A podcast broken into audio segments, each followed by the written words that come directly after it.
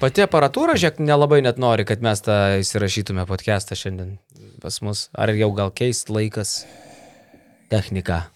Viskas prieš mus nusistatė. Nieko. Šiaip aš pagalvojau, Lekšas, žinai, grįžta čia kaip, a, kaip tėvukas po savaitgalio, žinai, vaikus buvo palikęs.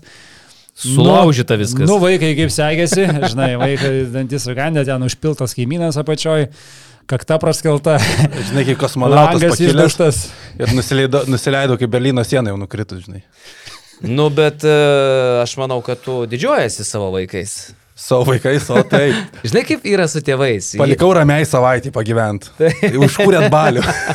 Žinai, kaip yra su tėvukais. Jiegi, kiek, kiek jie mums yra atleidę dalykų gyvenime iš tikrųjų. Juk ir, bet čia ir yra tėvai. žinai, ir kur net apsimeta, kad jie nepastebėjo, tai vad Lekšas panašiai, žinai, nu, kaip sekėsi grįžti, nu, kaip viskas gerai. Taip, taip, jo, viskas labai gerai, žinai. Aš, aš jums papasakosiu istoriją, kaip mano tėvas man apsimetė, kad nežino, kad aš vokdavau iš parduotuvės.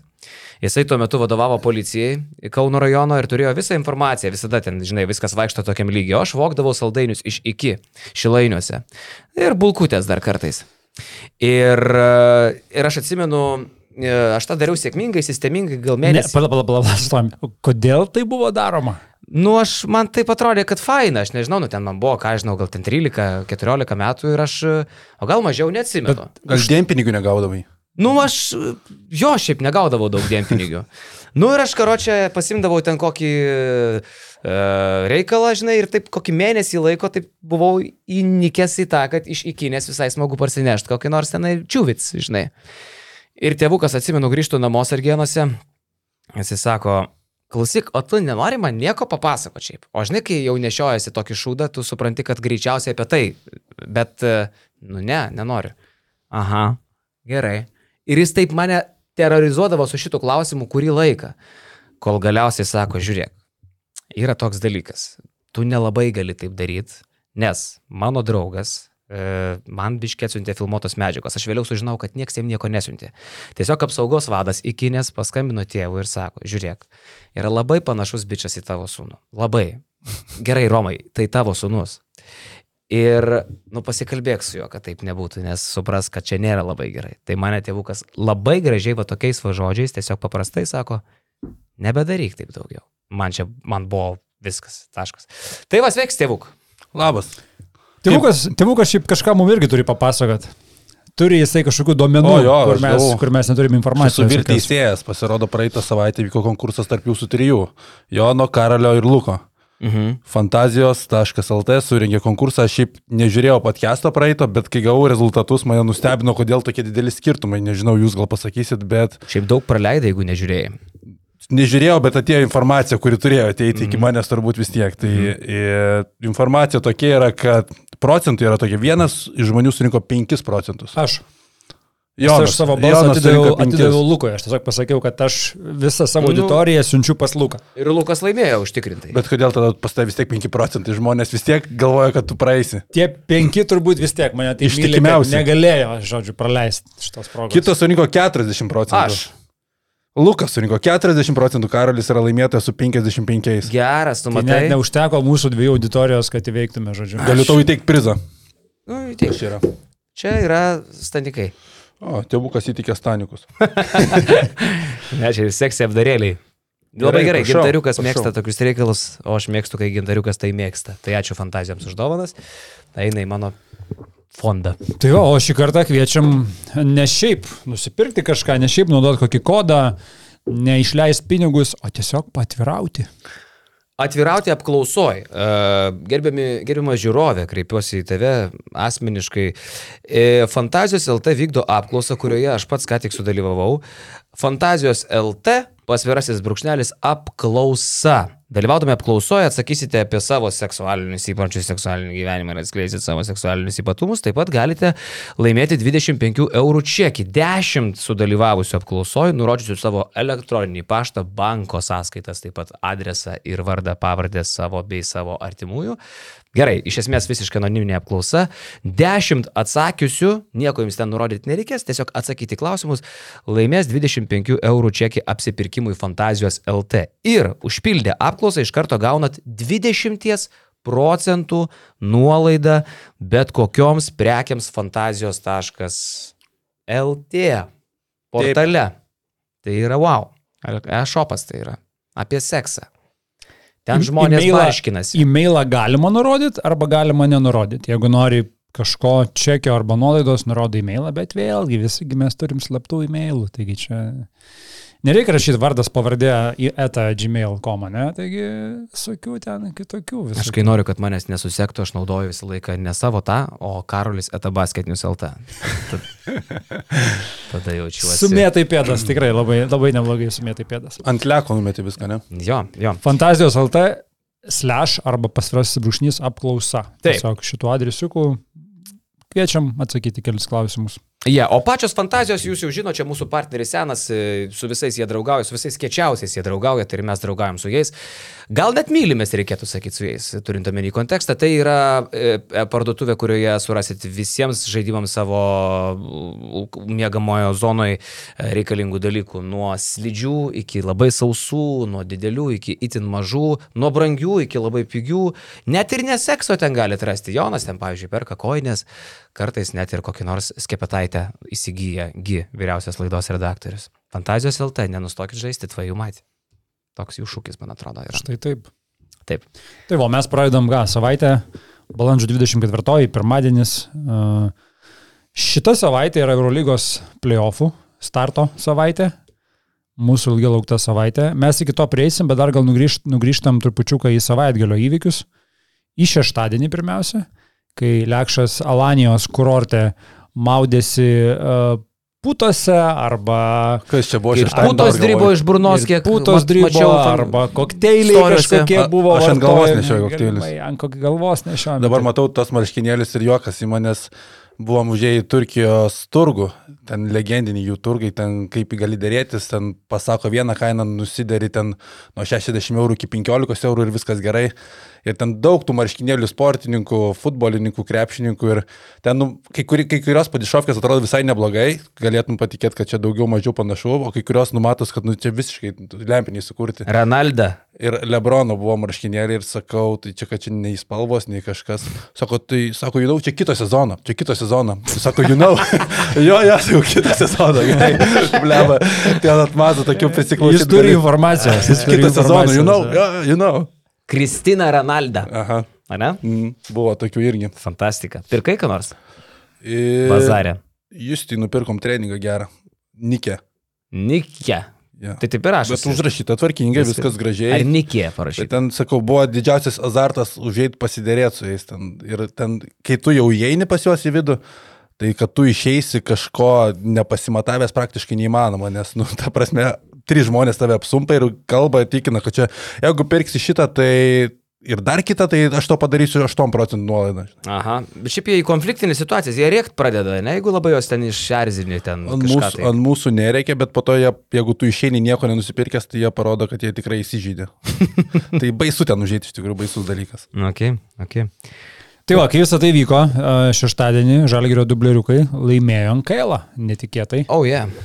Mes čia wow. dėliojom, spėliojom ir buvom įstikinę, kad Marijampolė e, 24 kartą laimės NKL ir vėl nežais LKL.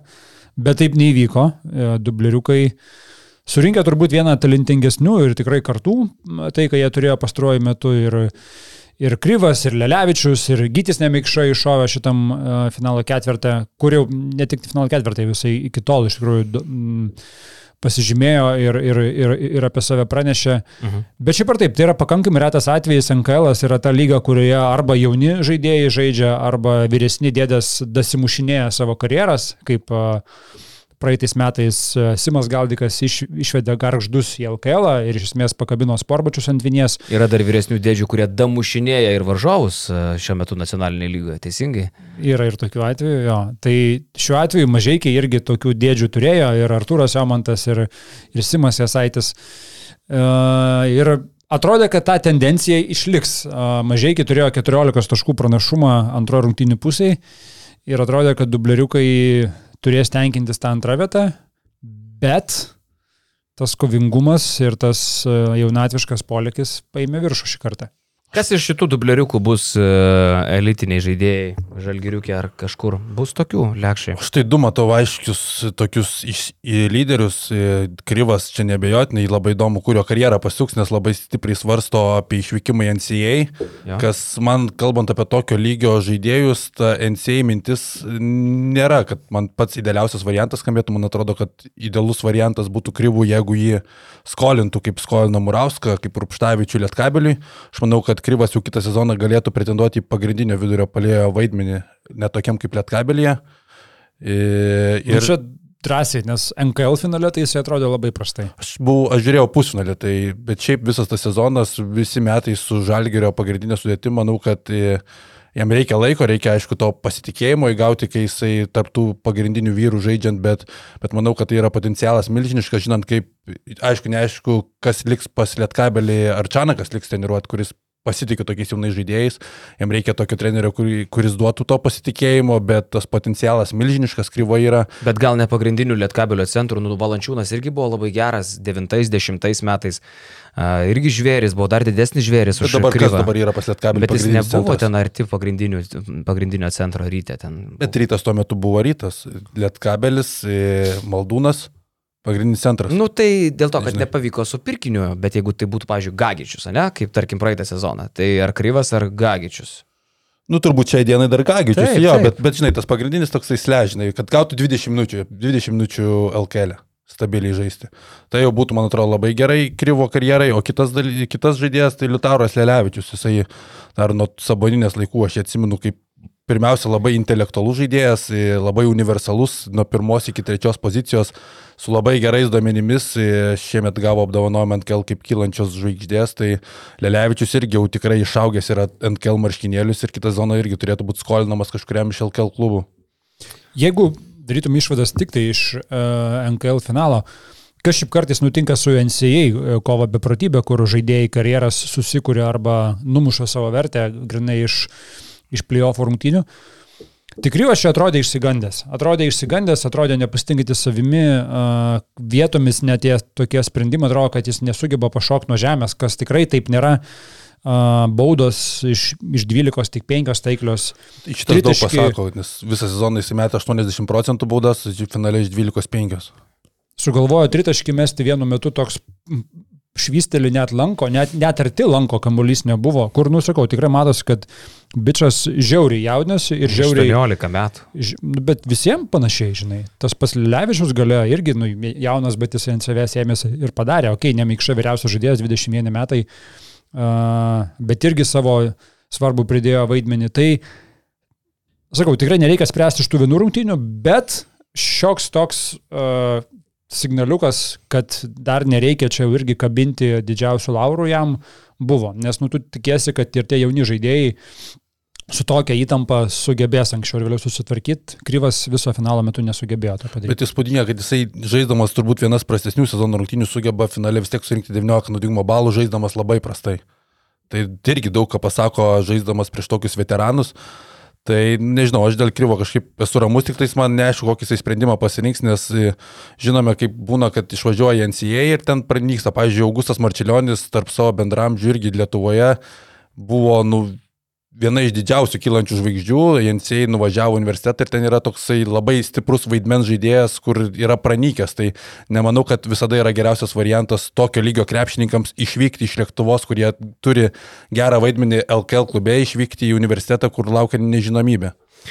Prieš 15 metų paskutinį kartą e, Žalgirio dubleriai laimėjo NKL 278 kartą, nu, 278 komanda čia buvo kas ten palauk per vyrukai galėjo būti. Čia visas legendos. Lekavičius? E, ne, visas, ne, visas ne. legendos. Uh, Tikrai dar ne. Adas Iškevičius, Žygis Janavičius, uh, Donatas Matijūnas, Čiapukaitis. Čia vėliau, kur tu už Kauno Baltus sirgdavai. Tai- Lipkevičius. Tai... Žiaurinė. Karta. Visi Kauno Baltai. Nu. Žiaurinė 89-90. Jie po to ir atėjo į LKL tais metais. Paskui atėjo į LKL. Jo, ir niekas nieko nepasiekė krepšinėje, visai iš tas komandas neliko žaidėjų. Tai buvo tik trečias kartas, kada Dubleriai Žalgirio laimė LKL, dar tuo metu buvo uh, LKAL prieš 20 metų, pirmą kartą laimėjo prieš 20 metų ir vienas iš tuometinės komandos narių buvo ir šioj komandai.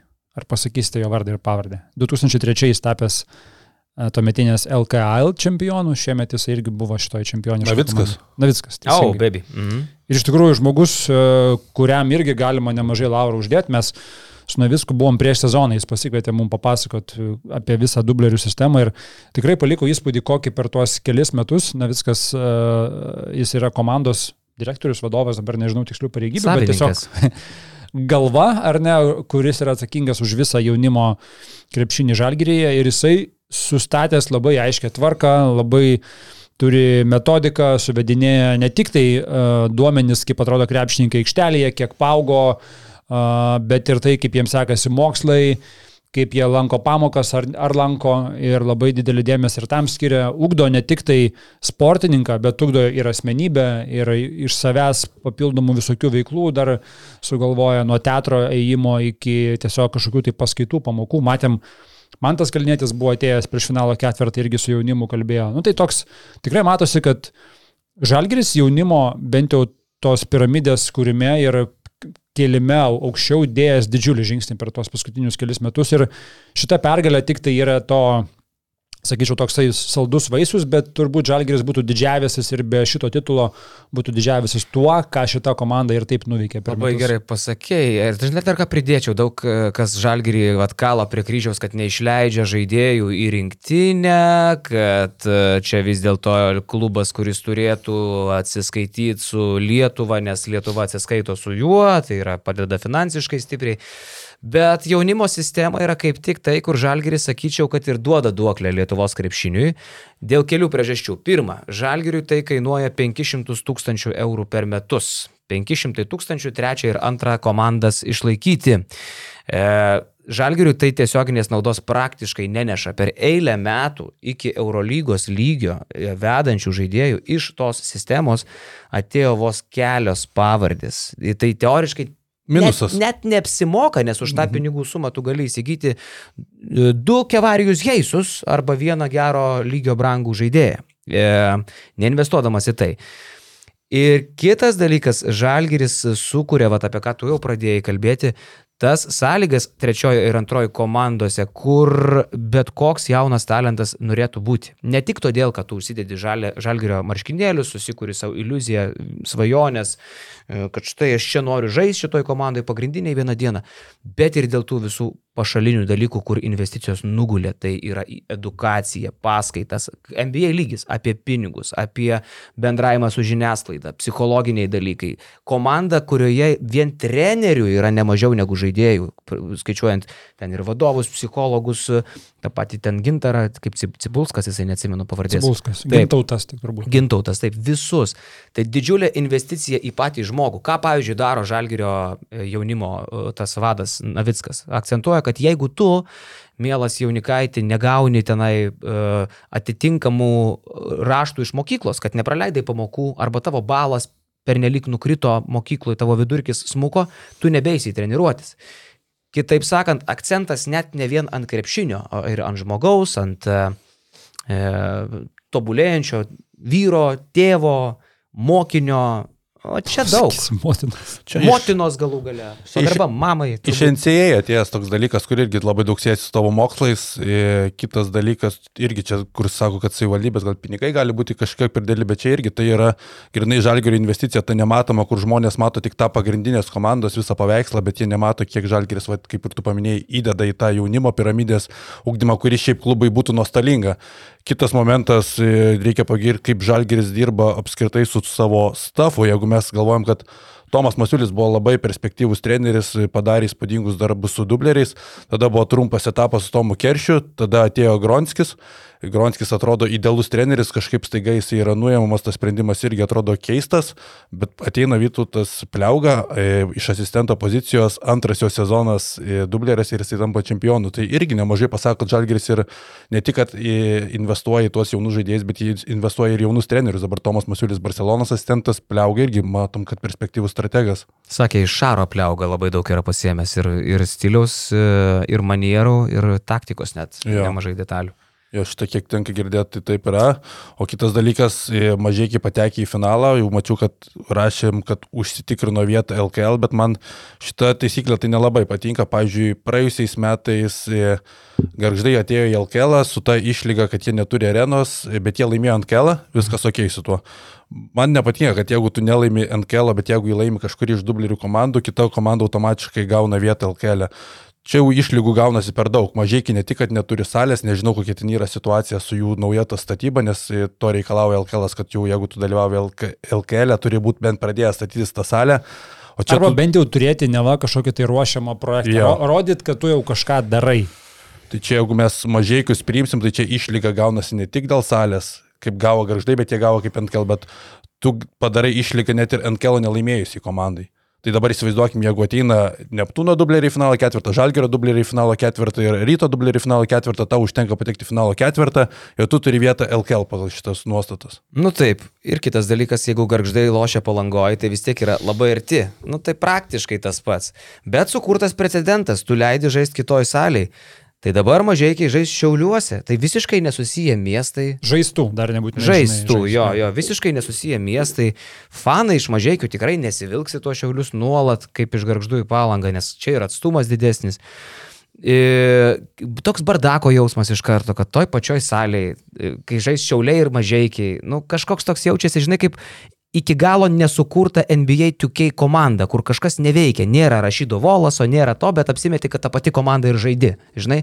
Tai čia irgi toks jausmas bus, jeigu mažai vis dėlto žais LKL, e, bet šiauliuose, bet su važinės kiekvieną kartą 800 km valandą autobuse, žinai, ir, ir apsimes, kad lošia namuose. Toks, neprideda LKL kuriamam produktui. Bardako pridėtinės jausmas. vertės tikrai. Jeigu garždai jau tikrai 24-25 sezone žaistų savo pastatytų salėje, tai mažai situacija, man atrodo, kitokia yra. Ten, nežinau, mokykloje toliau žaidžia.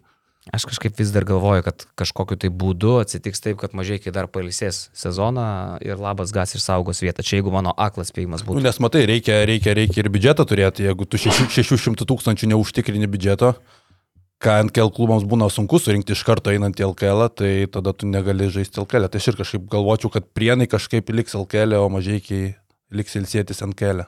Taip. Tarp kitko, kada buvo finalas, aš žiūrėjau tą finalą mašinai telefoniukę prie Olimpiko, nes atvarė ponas Gary Paytonas e, tenai, buvo vakarienė. Pylėm Gary Paytonui gitaristus, sakė, very good, very tasty. Turbūt, kai tiek šaibų gauni atvažiavęs, tau viskas skanu čia. Ne? Įdomu, kiek šaibų. Šiaip aš tik nepavyko įsiaiškinti, bandžiau visai kaip klausti, kišti tą trigrašį tenai, bet aš manau, kad apie šimtą gabalų, nes jis dar buvo Estijoje, jam dienom skaičiavo. Mhm. Kiekviena diena ten buvo e, X suma, tai jis dar buvo Estijoje. Estijoje buvo kažkoks panašus produktas ir, ir dabar va čia Lietuvoje. Tai, na, nu, aišku, čia O kadangi organizavo viską viena lažybų bendrovė, tai jie, jie čia viską finansavo. E, bet, kiek girdėjau, tai ateityje darys toliau tos reikalus. Yra listas starų ir kiekvienais metais dabar veš po starą čia sužaisti. Bet kas nustebino, kad Jeep arenoje tas rungtynės, nu, ta, ta 3 prieš 3 krepšinį, kur Gary Paytonas neva turnyrą su, surengė, susirinko 300 žiūrovų. Sumokėję po eurą, atėjo tiesiog pažiūrėti į lakstančius uh, neiškios kilmės e, save kažkokiais dideliais vyrais vadinančius ponus. Ir, po... kaip, ir kaip pavyko tiem ponam? Man tai katastrofiškai, bet e, buvo kas sublizgėjo, tarkim, laimėjo turnyrą e, Dainiaus Novicko, Hario Zenkovo ir Amžinatilsi Pauliaus Vaitekūno komanda.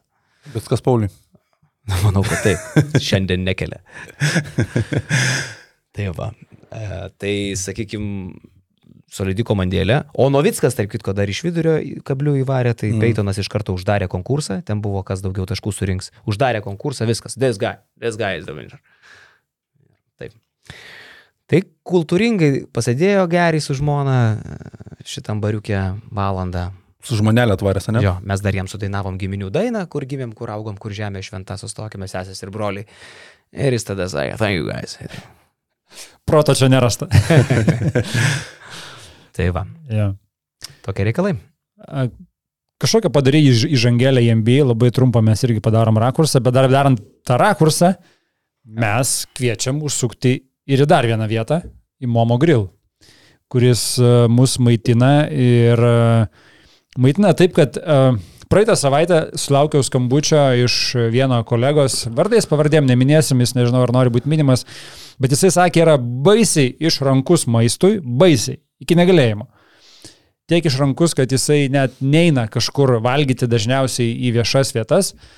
Sakė, žinokit, pardavė tvyryčiai, tai atvažiuoju šią savaitę į Kaunas Džes, tai va šią savaitę ir sako, eisiu į Momo ir pažiūrėsiu, ar mano išrankus skonis ir uoslė pasirašys tam, kas siūlo Momo Grill. Tai mes visi, mes visi laikom čiūrus, kad atlaikytų, nes mūsų galva atlaiko, mūsų galva tikrai ten yra viskas labai kokybiškai ir skanu patys mėgėjai užsukti Kaune dažniau, Vilniui kartą buvom, Klaipėdo dar nebuvom, reikės gal šiltėjant orams, kada irgi paliekt. Panašiai kaip Homičius, atsimeni, pasakojo. Tiesiog žmogus užsimano kavutės pagert Klaipėdo ir nuvažiuoja Klaipėdą pagert kavutės ir parvažiuoja. Ir į Palangą nuvažiavo, va dabar, va, praeitą savaitę gal irgi. Palangoje sėdėjo tiesiog, va. Tai va, tai aš, aš, manau, aš manau, mes lygiai taip pat užsimanysim, kada jau. Jeigu tik nori, tai reikia. Žinai, kas dar nuėjo į Momo dabar neseniai? Novickas. 3 prieš 3 kaučias. Nu, nu. Sako, mažas, labai skanu. Net, labai skanu. labai džiaugiasi jisai, tai linkėjimai treneriukui. Tai va ir Ignas buvo užėjęs mūsų draugas. Ir Gelevičius šiandien irgi sako, varau vakariai į Momo grill, draugės gimtadienį švęsti. Tai geriausias pasirinkimas gimtadienį. Taip. Ugniai linkėjimai. Igno draugiai. Taip, taip, taip. Kas dar nebuvo, apsilankykit, Mamo Grill, Kaunas, Vilnius, Klaipėda, nes nebereikalo tiek apie juos tauškiam. O e, kad jau apie NBA čia pradėjai, tai ir pratesk rolį Dudu, Golden State su Kings. Dudu vakar turbūt ne, ne vienas mūsų žiūrovas, sekėjas, klausytojas, mylėtojas, nekentėjęs, prenumeratorius ir šiaip prietelius. Žiūrėjo rungtynės, nes labai buvo geras laikas, pusę 11 vakaro, kad ir baigėsi pirmą po pirmos, bet aš net nebejoju, kad lietuviška auditorija buvo nemaža. Daug taškų pripurtė abi dvi komandos, daug e, privertė už galvos griebtis rungtynių gale visokiausių sprendimai, ar ne? Ir turbūt ne vienam bežiūrinčiam lietuviui tuo pačiu ir kėlė antakį, kodėl Domantas yra visgi toks kur kas mažiau išnaudojamas žaidėjas negu būdavo reguliariajam sezone. Mm, vakar grįžau kaip tik namo ant ketvirto kėlinio vidurio. Tai toks šokeris lengvas įsijungus NBA, nes e, Paskutinės tos minutės man buvo daug labai nesusipratimų, kur atrodo, kad kaip prie reguliaraus sezono tu gali būti pratęs tokio krepšinio, bet nu playoffuose kažkaip atrodo norėtųsi daugiau galvos, bet buvo žaidžiamas visiškai tas pats reguliaraus sezono žaidimas, kur Domantas atrodo visai nėra išnaudojamas, laksto, jeigu ir gauna kamuolį, tai gauna per vidutinį, iš vidutinio nuotolio, pats bijo mesti Domas, o pačiam gale tai iš vienos ir iš kitos pusės sprendimai nepaaiškinami. Ten kario tas taimautas, kai tu jų nebeturi, gauni techninę, sugrįžta kažkaip į rungtynės, po to paskutinę ataką tu gali praktiškai laikyti iki 3 sekundžių, paliekant varžoms, prasiveržia karinį įmetą. Tai, nu, po to Kings prasiveržimai, lipimai į medį, tarp dviejų žaidėjų metimai, jokių atmetimų atgal, tai man daug tokių nepaaiškinamų dalykų, bet jo, galutinis rezultatas 2-2. Aš kažkaip turiu, gal bandau visą laiką rasti paaiškinimą, nu kodėl taip nutinka ir aš turiu savo tik vieną paaiškinimą, kad su Domonto ta ranka nėra viskas taip gerai ir galbūt jo komandžiokai žino, kad ta jo dešinė ranka dešinys nikštys, kuris yra apviniotas uh, tuo tokiu teipu, nežinau kaip pavadinti. Gal komandžiokai žino, kad ta ranka yra kur kas blogiau negu apie ją yra kalbama. Domantas tarsi atrodo kartais net ir privengia kažkaip ir stipriau suimti kamuolius tą ranką ir pirmiau uh, naudoja kairę ranką, tai man toks yra įtarimas, kad gal ta ranka yra, yra jaučiasi jinai kur kas blogiau, negu apie tai yra viešai kalbama ir tiesiog Domantas toli gražu nėra šimto procentų savo galimybių. Aš labai atsiprašau, vyrukai, čia toks, e, gal jūs žinojot, e, man tai čia toks netikėtas. E, Povilas Gaidys, girdėjote istoriją? Jo, ne, negirdėjom istorijos. Pavardę žinau, tik tik krepšinį. Kur susimušė su Dimša. Susimušė su Dimša. Nu, kur, kur kažkoks senis ten, atsimeni, sakiau, Ai, Dimša nu, atakavo, jo, jo, jo. papolė į žiaurę avariją. Atsiuntė fotkis. Neaišku, ar išgyvens rašo. Okay. Tai čia toksai visiškai, bet bam. Nežinoj? Mm -mm. Dabar aš irgi tik tai kalbu. Eik savo. Nu, nu, stiprybės lemba laikykis žmogau. Tai va, Numušiau mintį. Jo, nu tai mintis buvo kad Domantas su Bonata ranka tiesiog galbūt yra kur kas labiau sužįsta ir E, Jis turi save saugot, nes, sakau, kas kartą atrodo, kad jisai stengiasi kuo mažiau kontakto su tą būtent dešinėje ranka. Jis yra kairė rankis, tai yra kažkiek tai dėl to lengviau, bet e, vis tiek, jeigu, jeigu kažkuriai tavo kūno daliai nėra gerai, akivaizdu, kad tu nežaisi arti savo galimybių. Ir galvoju, kad Domanto mentalitetas biški yra kitoks, negu čia dabar žaidžia Kings. Labai daug ant savęs bandoma imtis visi žaidėjai vienas prieš vieną. Domantas kaip tik stengiasi juos įtraukti ir tą gavęs kamuolį jisai neskuba sumetimais žiūrėti. Tai po to matosi, kad paskutinės kelias minutės tiesiog Domanto paskutiniai prisilietimai prie kamulio būna arba atkovojus kamulį, arba tiesiog handofas viršuje, bet kad per jį kažkas vyktų žaidimas, to nėra. Ir nervuojasi tuo, aišku, dėl to. Aš dėl to, man dėl to, dėl lampački, žinai. Ne, Domantas šiaip atrodo pakankamai ramus, jis kaip tik jo galbūt netrodo, kad toks emocingas. Bet vėlgi, kol kas šita serija yra visiškai namų komandų, a, namuose rungtyniaujančios komandos atrodo tarsi užsiveda nuo tų savų, savų auditorijų, tai matysim, liko maksimaliai dviejos rungtynės Sakramente, vienos San Franciske ir bent dviejų rungtynių šitoje serijoje tikrai dar reikės. Ir tai yra turbūt tam tikra serija, kuri kažkiek tai gražina tą didesnį domėjimąsi Lietuvoje NBA krepšiniu. Nu, Vagytis man šiandien siūlė užsidėti Golden State kepuraitę. Užsidėsiu aš tą Golden State. Viso, dabar visom keturiam užkings. Kiek tik tai turiu. Kiek tik turiu, o keturias ir turiu. Tai jo, tai toks trumpas, apie, apie tai daugiau šiandien pakalbės mūsų, Tikas toks lengvas. mūsų kolegos iš Šembo, a, jie ateina rašinėti už poros valandų ir jie aptar šitą seriją išsameu, o mes ką, mes keliaujam ten, kur mes turėjom šiandien Tam atkeliauti. sutverti. Taip. Tam, tam, kam sutverti. Tai Taran, ta, ta, tan, tan, tan, tan, tan, tan. Eurolyga čia yra. E, prognozuosim visų ketvirtfinalių rezultatus, galutinius dabar. Ar užpildėt beje savo breketus? Basketnews.com turim breketų savo. Užpildysiu, dabar LKL nekomentuoju, turiu daug laiko ten ir draftus reikia pasidaryti šiandien ir va tą užpildysiu. Jo, aš irgi dar neužpildžiau, bet grįžau, reikia, reikia eiti prie darbų. Ir kalsim po du teiginius, e, taip vadinamus drąsius spėjimus, nors drąsus jie ne visą laiką būna. E, tokios mini lažybos bus, ne? Tai kaip mes anksčiau darydavom, už teiginį e, gaunam tašką, ne? O už atspėtą rezultatą serijos e, nuo 0 iki 3 darom taškų, ne? Jeigu atspėjai tik... Man žinai, kas patinka šiemet, mes pas basketinius vidukį pasidarėm, nes e, labai yra lengva spėti 3-1 bet kurioje serijoje, nes jeigu pagal tos mūsų senus skaičiavimus. Aha. Nes visą didesnė tikimybė, kad tu gausi daugiau taškų 3-1 spėdamas. Dabar mes pasidarėm, kad, e, man atrodo, už teisingai atspėtą serijos rezultatą yra 4 taškai. Uh -huh.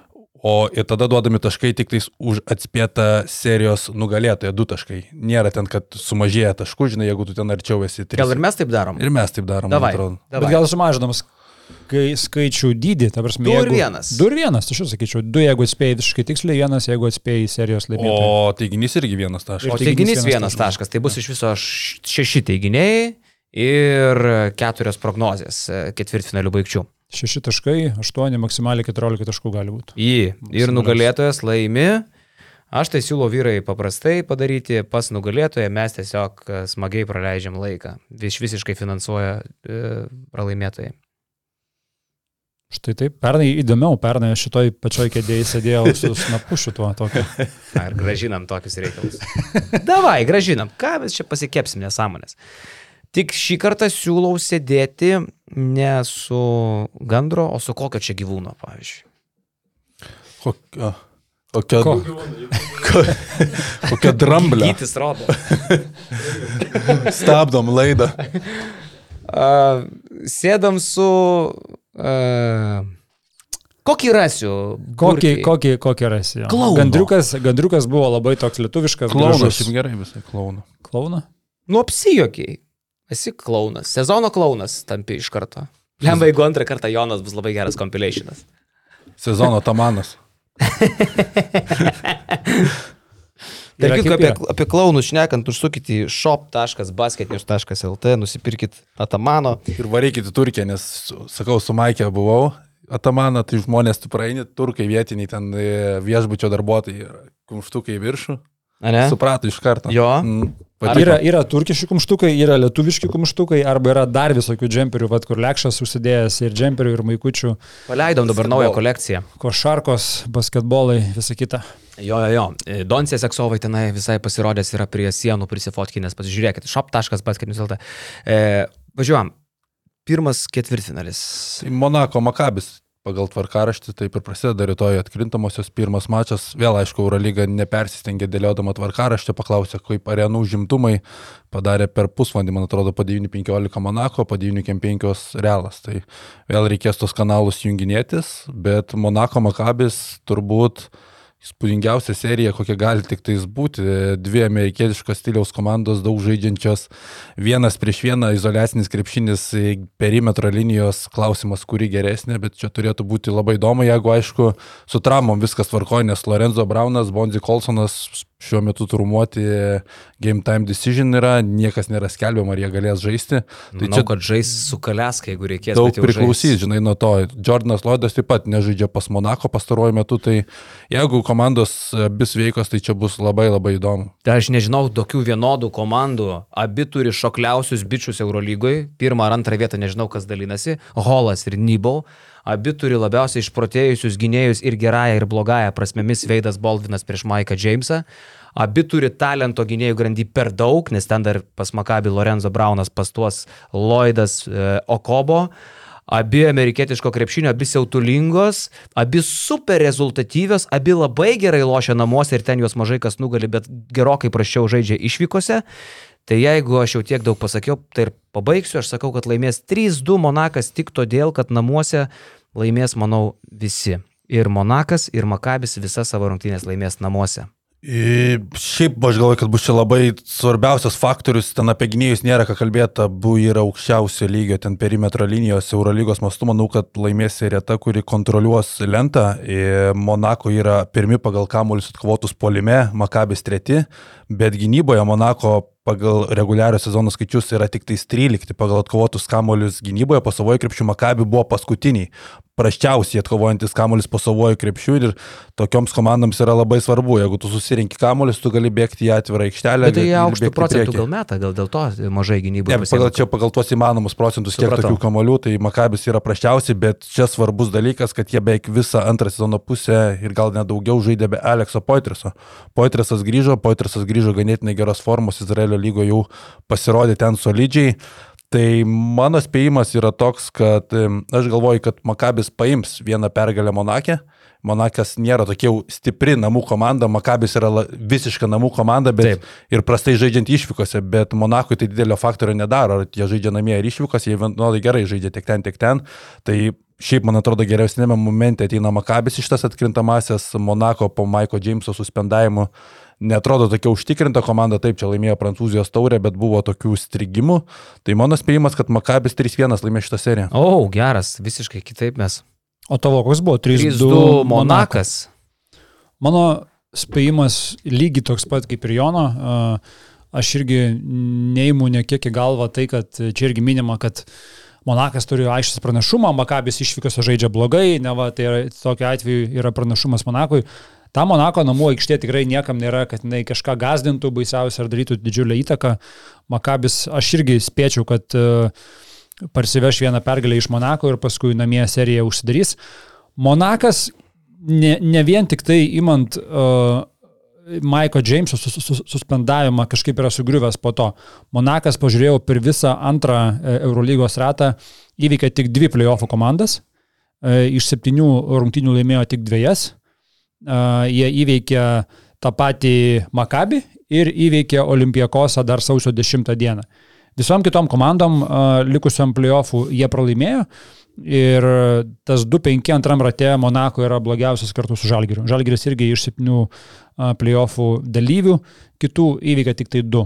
Tai Monakas, sakau, visą, visą antrą ratą nedemonstravo kažko ypatingo ir tai, kad Makabis namie tiesiog yra žvėriška komanda, geriausia turbūt Eurolygoje, uh, man irgi 3-1 Makabė naudai. Aš- Mm, Dar įdomu, ar Maikas Džeimsas nesublūdys. Dabar buvo pertrauka, jisai prieš pertrauką prastai atrodė, kaune atrodė tragiškai, toks nervų kamuolys, bet pailsėjo. A, Kaip jis dabar Prancūzijoje atrodė? Atrodė jau gerai, bet man dėl Maiko Džeimso įdomus skambas, tai yra jo aštuntas sezonas Eurolygoje. Jisai yra vieną kartą žaidęs Eurolygos finalo ketvirtį. Tai buvo jo debutinis sezonas su Vitorijos klubu. Ir tai buvo vienintelis kartas, kada Maikas Džeimsas per savo karjerą Eurolygoje neturėjo dviženklio taškų vidurkio. Tai reiškia, jis nebuvo komandos žvaigždė, buvo tik Eurolygos debutantas. Po to kiti etapai su Atenų Patatnaikos turėjo namų pranašumą, bet pralaimėjo Fenerbakčiai 3-0 su namų pranašumu. Tada vėl su Panatinaikosu turėjo namų pranašumą, pralaimėjo Realui 3-1. Tada Milano neišėjo į atkrintamasias. Su CSK 19-20 sezonas buvo nutrauktas, 20-21 Jisai, Maikas Džeimsas buvo išvarytas anksčiau laiko, nesulaukė atkrintamų ir finalo ketvirto, pernai su Monako pralaimėta prie Olimpijakos. Tai čia... Bet jau pernai gerai atrodė Monakas. Pernai gerai atrodė. Ir, ir, ir Džeimsas gerai atrodė. Tai va čia bus tas šansas jam parodyti, kad jisai būdamas komandos žvaigždė gali atmesti komandą į finalo ketvirtą, nes niekas nebejoja jo individualių talentų, jį priskiria kaip didžiausio Eurolygos e, žvaigždžių, bet kol jis nepateks į finalo ketvirtą, būdamas lyderiu, jis negalės po karjeros dėtis į tas grafas prie Eurolygos legendų, nes tai yra tikrai tas dalykas, kuris prie jo kelia klaustukus, tai bus labai įdomu pažiūrėti, kaip Maikas Džeimsas atrodys ir Monako. Ir iš kitos pusės, jeigu Monako pavyks patekti finalo ketvirtą, realu, kad jame būtų ir prie Olimpijakos, tai aš labai norėčiau irgi pamatyti vėl prie Olimpijakos ir Monako dar vieną akistatą jau pusfinalyje, nes pernai metų ta ketvirtfinalio serija šių klubų tarpusavį buvo kažkas tokio. Dar sakyčiau, kad trenerių dvikova bus labai įdomi, nes e, aš nematau, man nesižiūri, niekaip neskamba Odedas Katašas finalo ketvirtį. Čia yra geras kampas. Kažkaip, nu, man tiesiog Odet Kataš, Odet Kataš, kakoj portret, kakoj peizaž, netrodo. Žinai, jisai gal ketvirtas. niekam nesižiūrėjo ir kaip geras vyrtreneris šitai komandai, bet akivaizdu, kaip atrodė reguliariajam, jisai padarė savo darbą. Mm, nu taip, namuose ta komanda yra žvėriška. E, ir kaip Linas Kleizas sako, žinai, e, playoffuose, Eurolygui jau labai daug lošia treneriai. Mes galim prisiminti kaip Zenitas laikėsi prieš Barceloną, tenai išlūžę, subirėję dalim, nes Paskualis yra genialus kaučas. Saša Bradovičius yra rimta korta šito, šitam ketvirtfinalį ir e, kaip ir Vatsulinu kalbėjom, viena yra lošti reguliarkiai ir visai kas kitas staigmenėlės traukti ir komandą užvedinėti, motivuoti ir sustatyti būtent tam varžovui, tai serijai iki trijų pergalių. Tai Manau, kad Saša yra didelis faktorius čia. Ir aš dar dėl to sakau 3-2 Monakas. Čia labai sunkiai nuspėjama serija, Bradovičius tikrai faktorius e, trenerių pusėje turi pranašumą Monako ir reikia nepamiršti, kad e, Makabis šiemet puikiai užbaigė reguliarų sezoną, atrodo žvėriškai, bet pernai Makabis visus apgavo, jie taip pat užbaigė reguliarų sezoną monstriškai išėjo ant realo, realas atrodė tuo metu subirėjęs, pabirėjęs ir tuomet daugelis šoko irgi tą pusę Makabę, bet atsimenu, kaip viskas baigėsi. Aišku, ten buvo tas dalykas, kad Makabis dabar, jeigu jie turi Katašą pernai, jie iš viso neturėjo jokio trenerio, turėjo Avi Evaną legendinį, tai nu čia bent jau kažkoks... Yra... Kuo jisai, kuo jisai legendinis? Tuo, kad jis nebuvo treneris. Geras skautas. Eurolygos, Eurolygos treneris tapo žmogus, kuris nėra buvęs treneriu normaliu. Jį. Nu, liuks, tai aš džiaugiuosi, kad aš čia skiriuos nuo jūsų šitame, nes čia yra šansas man pasimti bent jau tašką. Ir nunešti juos abu. Gerai, Real Madrid Partizan antradienio antrą dvikovą. Jo, čia Mes kalbam apie Monako, Monako į Makabį, kad čia bus ir labai rezultatyvu, bet aš galvoju, kad Realas Partizanas gali būti dar rezultatyviau, nes uh, Šios komandos du kartus e, susitiko ir per tuos du mačius iš viso buvo įmesti 396 taškai reguliariam sezonė. Tai U, beveik po 100 taškų vidutiniškai. Kiekviena komanda pelnė pergalę Madride pasėmė Realas, Belgradė sezono pabaigoje e, laimėjo Partizanas ir ten nelabai turėjo daug vilčių Realas. Apskritai labai geram momente ateina per, nuo kovo 9 dienos per 12 mačų Partizanas pralaimėjo tik kartą Tas kartas buvo namie pralaimėta prieš Barsą, bet krito namie Realas, Olimpijakos, Zvezda, išvykoje nugalėjo Partizanas Anadolu ir Monako. Tai Želko yra 18 finalo ketvirtų žaidęs, per 19 kartų pralaimėjo vienintelę ketvirtfinalio seriją Eurolygos istorijoje. Eik tu.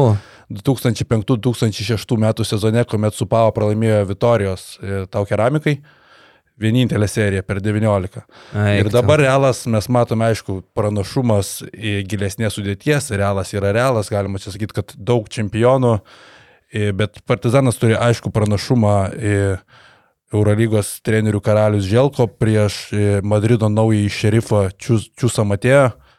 Tai nu čia akivaizdus yra Partizano pranašumas, vien jau tai, kad dažnai bando realas uždaryti savo, savo rungtynės aikštėje turėdami Sergio Rodrygės ir Fernandesą ar Jūlą.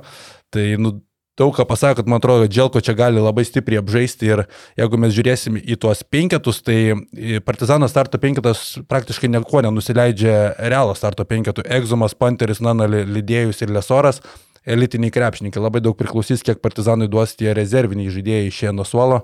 Serijose tai yra labai svarbu, nes Realas turi giliausią sudėti Eurolygoje. Tai, bet nebus Vincano Pairė, turbūt jam apendicitas išoperuotas, po kitą varę sakeičia Kornelį, tai nebėra tokia jau triuškinanti ta jų priekinė linija. Ir čia gali turėti problemų, manau, Želko tuo bandys naudotis ir aš pateiksiu tokį nu, turbūt sunkiai prognozuojama, bet aš manau, kad Partizanas žais finalo ketvirtį, dabar daug ant želko kortos dedu ir spėju, kad Partizanas laimės 3-1. Identiška mano prognozija. Aš irgi sakau, kad Partizanas laimės 3-1, pasims vieną Madride ir Belgradė jie nenugalimi. O šiaip tu jau viską pasakėjai, mano argumentai apie trenerius buvo tie patys. Ir žinai, dabar, va, Čiūsas Matėjo šiandien pradeda verkti, kad e, mums tvarkaraštis labai prastas yra per tris dienas reikia sužaisti dviejas rungtynės, bet kai tu turi 20 žaidėjų, tai koks tau skirtumas, tai toj atsibai gali pasitaupyti, jeigu taip matai, tai Čiūsas Matėjau jau dabar pradeda ieškoti kažkokių pasiteisinimų, nors turi geriausią, giliausią. Šiaip čia yra stiprų, Lekšas kalba uh, šlikštynės ant savo mylimos komandos, ant Real Madrid. Futbole taip nešnekėčiau, krepšinis yra kita sekcija, bet e, Čiūsas Matėjo, nu, turėtų būti kažkur kažkokia teisybė, kad nepelnytai gavo šitą darbą šitas specialistas. Žiūrėdamas į kamerą šitą pasakyk dar angliškai. Čiūsai. mano, mano spėjimas dėl nugalėtojo tas pats, aš irgi matau čia partizaną laiminti, gal yra nabudu, ne, mes visi tą patį pasirinkom. Šiaip tai neįtikėtina, mes, mes svečiam prognozuojame, jūs bent kol kas abiems svečiam, abiem aikštelės faktoriaus neturintiem prognozuoti išėjimus į Final Four. Jo, tik mano spėjimas būtų 3-2, ne 3-1, aš galvoju, pasidalins Madridė po vieną, Belgradė po vieną ir penktos rungtynėse Madride Partizanas išeis aukštai iškeltą galvą. Jonas minėjo, kad e, Realas turi giliausią sudėtį, jie to pačiu yra ir labiausiai nukentėję dėl, dėl traumų. Čia tokį įdomią analizę padarė Italas Twitter'yje. Dabar net nepasakysiu pavardės. Nepažįstam vis tiek. Jo, ne vienas nepažįstam. Iš esmės, jisai paskaičiavo, kiek krepšininkų per sezoną nebūdavo rungtynėse, kurie galėtų žaisti, bet jie nežaidžia dėl traumos. Realo vidurkis yra 4,2. 4,2 krepšininko per sezoną jie neturėjo savo sudėtį. Tai mes čia panašiai ir spėja, žinok. Bet kai tu turi 18 žaidėjų, tarp jų visą laiką Lasenas, kuris nežaidžia visą sezoną. Randolfas, kurio nereikia. Kurio nebuvo irgi no. dėl traumos. Rudy Fernandesas, kuris pastovi trumuotas. Tai čia tas skaičius išsipučia dėl jų žaidėjų kiekio turimo, man atrodo. Bet čia pastoviai ten tai Baldė, tai Gosas, tai, tai, tai, tai koks ten Mūsa, tai Hezonija, tai dar kažkas pastoviai pas juos neloždavo bent kažkas. Jo, tai aš iš esmės turbūt kaip ir ne aš vienas, mes ir basketinius kom darėme krepšininkų spėjimus. Tai jie irgi renkasi partizaną ir iš esmės renkas dėl to, kad vertina trenerių. Želko Obradovičius yra, kaip Jonas minėjo, skaičiai įspūdingi, 18 iš 19 kartų yra patekta į, į finalo ketvirtą, tai aš kažkaip irgi čia dedu labiau pliusą dėl to partizanui. Mhm. Nu va, tai įdomu, ką bukmekeriai, bet manau, kad uh, ten turėtų realas būti favoritas. Spėčiau. Akivaizdus favoritas. Akivaizdus, realas. ne? Gerai, uh, žalgiriuką pasiliekam pabaigai, dabar pačiupinėkime už šonų gerbiamą mūsų Pirėjo Olimpijakosą ir Stambulo Fenerbakčią, Bartsokas prieš Itudį, Vežlenkovas prieš, prieš Vilbrekiną. Čia tai Ir dar daugiau yra Slukas prieš buvusią komandą, Dorsiai prieš buvusią komandą, Feneris šiaip labai graikiška komanda, visas trenerių štabas graikai, Dorsiai, Antetokumpo, Kelatis. Žalieji, žalieji prieš raudonuosius, Tudis prieš Sukalačius, ja. prieš Olimpijakasą. Tai šiaip, atrodo, geriausia Eurolygos komanda žais prieš prasčiausią formą turinčią Eurolygos atkrintamųjų komandą, jeigu mes kalbam apie Fenerbakčią, nu jie turbūt iš tų aštuonių komandų pastaruoju metu žaidė prasčiausiai iš tų visų ekipų, tarpusavio du mačai, ten abu kartus neturėjo jokių šansų po pirmųjų dviejų kelinių, Feneris 94-7 Pirėjoje, 93-73 Stambulė, Olimpiakusas tiesiog nušlavė, bet aš čia nematau lengvos serijos, būtų, man atrodo, vis tiek prieš visą logiką, jeigu nupūstų ir čia toliau Olimpiakosas ir laimėtų dar tris mačius pailiui. Fenerbakčia šiaip yra gili komanda, daug priklausys nuo to, ar Vilbrekinas žais. Mhm. Jeigu Vilbrekinas spės, spės atsigauti bent jau iki namų rungtynių, nes panašu, kad priejo bent jau pirmasis rungtynės praleis, tai yra didelis faktorius, bet aš galvoju, kad Dimitris Tudis vis dėlto tokiems mačiams sugeba paruošti savo komandas. Taip, treniravosi visą laiką CSK, kuri būdavo dažniausiai, turbūt visada favoritai serijose, bet Faktas, kad Tudis nei karto nepralaimėjo serijų, šešios laimėtos Eurolygos ketvirtfinalio serijos, per 21 mačą apskritai 18 pergalių iškovojo. Tudis o, geras. Tris kartus tik yra pralaimėjęs ketvirtfinaliuose, tai čia bus labai įdomu, daug įdomių akistatų Vezenkovas prieš Nigelą Heizą Deivisą, kuris žaidžia nuostabų sezoną, atrodo tikrai turėtų būti sunki serija Eurolygos MVP dar neoficialiam, jeigu nepateks finalo ketvirtą Vizenkovo ir nuplauktas MVP apdovanojimas tikriausiai. Yra Dešonas Pieras, kuris žaidžia puikiai. Kieno naudai nuplauktų tokiu atveju Vizenkovas? Vizenkovo MVP. Čia geras klausimas iš tikrųjų. Maikas Džeimsas, sakyčiau, buvo iki to suspendavimo turbūt kaip tas e, tinkamiausias variantas, bet jeigu pateks iš Makabio kažką, jeigu Makabis patektų į finalo ketvirtą, būtų tai būtų arba Lorenzo, arba Veidas Baldvinas. Tai čia būtų labai įdomu, jeigu vis dėlto nepatektų prie Olimpijakosas į finalo ketvirtą. Be šansų. Bet aš čia vis tiek e, manau, kad Olimpijakosas laimės, bet laimės 3-2. 3-2, aš sakau 3-1 laimės Olimpijakosas. Vieną pasims Feneris. Dabar jie pažiūrėjau prieš savaitę, net Turk Telekomui pralošė e, Turkijai. Nemačiau, kaip vakar sulošė, bet e, jo. Paskutinį laimėjo, bet irgi nelengvai. Bet tai prieš ką ten žaidė prieš Manisa BB. Bet žinai, ten tų, tų vietinių čempionatų Turkijos sunku sureikšminti, nes ten yra legionierių limitas, negali žaisti pagrindiniais tais vis, visais rosteriais, bet šiaip Motley prieš Falą bus labai įdomu, įdomi akistata, Kalatėsas prieš Volkapą, vėl bus Kalatės taikinys, įdomu, kaip jiems tos tritiškus pavyks įmesti, nes garantuoju, kad vėl bus atsitraukiama į baudos aikštelę, tikrinama Kalatėso psichologija, jeigu Kalatės sugebės pataikyti bent savo tos procentus 35, tai Feneris kažkokių šansų tikrai turės. Mm, šiaip jo, Vezinkovui tai bus žiauriai sunku, jais puikiai gynasi, Pieras gerai gynasi. Manau, kad Vezengovas mm, bus, bus gerokai pristabdytas, bet tiesiog Feneris neprilyksta niekaip Olimpiakus. 3-1. Aš 3-0. Tiesiog, tieški tokį skudurą, ne? Taip, tieški tokį skudurą. Į tudžiui. Jo, į tudžiui. Šiaip peržiūrėjus, sakau, visas komandas antrojo rato pasirodymus, Feneris išsiskiria vienu skaičium nuo visų kitų septynių komandų. Išsiskiria tuom, kad jie prastai žaidė su ekipomis, kurios nepateko į playoffus. Įsivaizduokit, visos septynios komandos, uh, išskyrus Fenerį, visos kitos septynios, ne playoffų komandas antram rate uh, nugalėjo lygiai tokiu pačiu santykiu - aštuonios pergalės, du pralaimėjimai. Olimpiekosas, Barsa, Realas, Partizanas, Makabi, Monakas, Žalgeris, šitos visos komandos žaisdamos su ne playoffų komandomis, 8 pergalės, 2 pralaimėjimai. Feneris viso labo 5-5, žaidžiant su tom mm. komandom, kurios liko už playoffų bord. Ar tai tam tikra motivacija ir jos trūkumas, ar dar kiti dalykai. Bet Feneris plika akimi matėsi, kad braška, kai Vilbekino e, nebėra, uh, Kilatėso pasitikėjimas vėl braška uh, ir nežinau, aš kažkaip, jo, taip, playoffai kitas žvėris, kitos atsakomybės, įtūdis, nepralaimi serijų, visą kitą, aš kažkaip čia sausai 3-0 tieškiu. Štai taip. Gerai. Taip. A, vyrukai, o dabar įdomiausia laidos dalis, mes prieinam. Kas? Ką tu nori reklamą? Reklamą. Visas, visas, su tom reklamom. Visas rungtynės. Duok žmonėm pažiūrėti sportą per GAU3. per GAU3 būtent tiek Eurolyga, tiek NBA. Vakar, pavyzdžiui, labai patogiai, labai uh, paprastai, labai aiškiai įsijungi TV3 Sport, ar ne, ir per TV3 Sport antrą kanalą rodo Warriorsus prieš uh, Kingsus. Tai ne tik tai, uh, GAU3 arba TV3 Sporto visi kanalai rodo ir NBA, ir Eurolyga, ir Eurocap, ir Čempionų lyga. Travel. Ir LKL. Ko, ko tik nerodo realiai. Ko tik tai nori, tau, tau viską ir parodys. Bobslėjų. Ir bobslėjų parodo. Ne? Rusiško šūdo nerodo, kas yra labai svarbu. Labai svarbu. Taip. Uh, nuolaidos kodas dabar galioja porą mėnesių, brangus žiūrovė. BN 50. Supras, kad BN tai čia apie mus kalba. Su BN 50 nuolaidos kodu šitiems svarbiausiams krepšinio sporto dviems mėnesiams jums bus pritaikyta surprise, surprise 50 procentų nuolaida. Ir jums kainuos e, šitie du mėnesiai e, žiauriai mažai pinigą. O matysit viską. E, GO3 e, turi NBA, e, turi LKL, turi Europos taurę, Čempionų lygą, ACB lygą, Eurolygą, FIBA nacionalinių rinktinių turnyrai, žodžiu, viskas absoliučiai GO3, visi TV3 sport kanalai, beveik visi ten, man atrodo, O net ir visi turbūt. Visi, visi. Visi.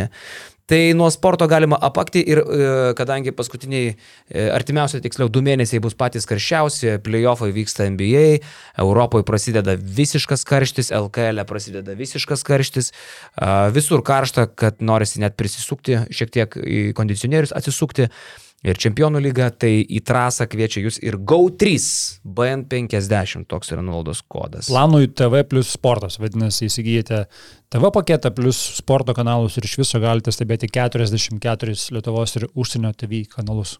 Taip, ir dar mat, matau, kad čia likusiam sezonui lyg pesas, NBA lyg pesas GO3 prenumeratoriams kainuos 7 eurus. Tai čia dar vienas dalykas, nes yra papildomų e, nu, akcijų. Jeigu GAU3 prenumeruoji, tai tu dar ir a, turi 30 procentų nuolaidą NBA lyg pesui, tai 7 eurai. Čia yra žiauriai gerai, jeigu dar nepasidarėte, darykitės, nes čia yra centukai. 44 kanalai Lietuvos užsienio kanaliukai. Ir Lekšas komentuoja per TV3 Sport, galit girdėti jo sodrų balsą. Taip, rytoj m, iš Monako. Tark kitko, mes dabar busim šią savaitę labai aktyvus, nes mūsų laukia kiekvieną dieną po podcastą. Kalsim iš karto po ryt, po pirmos ketvirtfinalio dienos. Ten tik tai mūsų pliusai tą matys, tai jeigu dar nesat pliusais, tapkite BN plus nariais. Penki podcastai šią savaitę, ne? Penki podcastai šią savaitę. Ir iš karto po Žalgirio irgi kitą dieną sėdim čia ir laivinam apie, apie Žalgirio ketvirtfinalį, tai skaitysim ir jūsų komentarus tiesiogiai, bus, bus daug visko labai. Jo. Ir Pakalbėkim. Pakalbėkim Žalgeris. Apie Kataloniją. Barcelona. Šarūnas Jasikevičius, tu dabar čia skaičiuoji trenerius, ne? Jasikevičius irgi neturėjo kol kas problemų su atkrintamosiomis. Okay, tu Turėjo. Nu, žėl pagavo. Žalgerį treniruodamas. Jo. Nu, tai seniai. Bet turėjo ir su Barsa, abi, abi serijos nuėjo iki penktųjų rungtynių, kai buvo Barsa akivaizdus favoritai.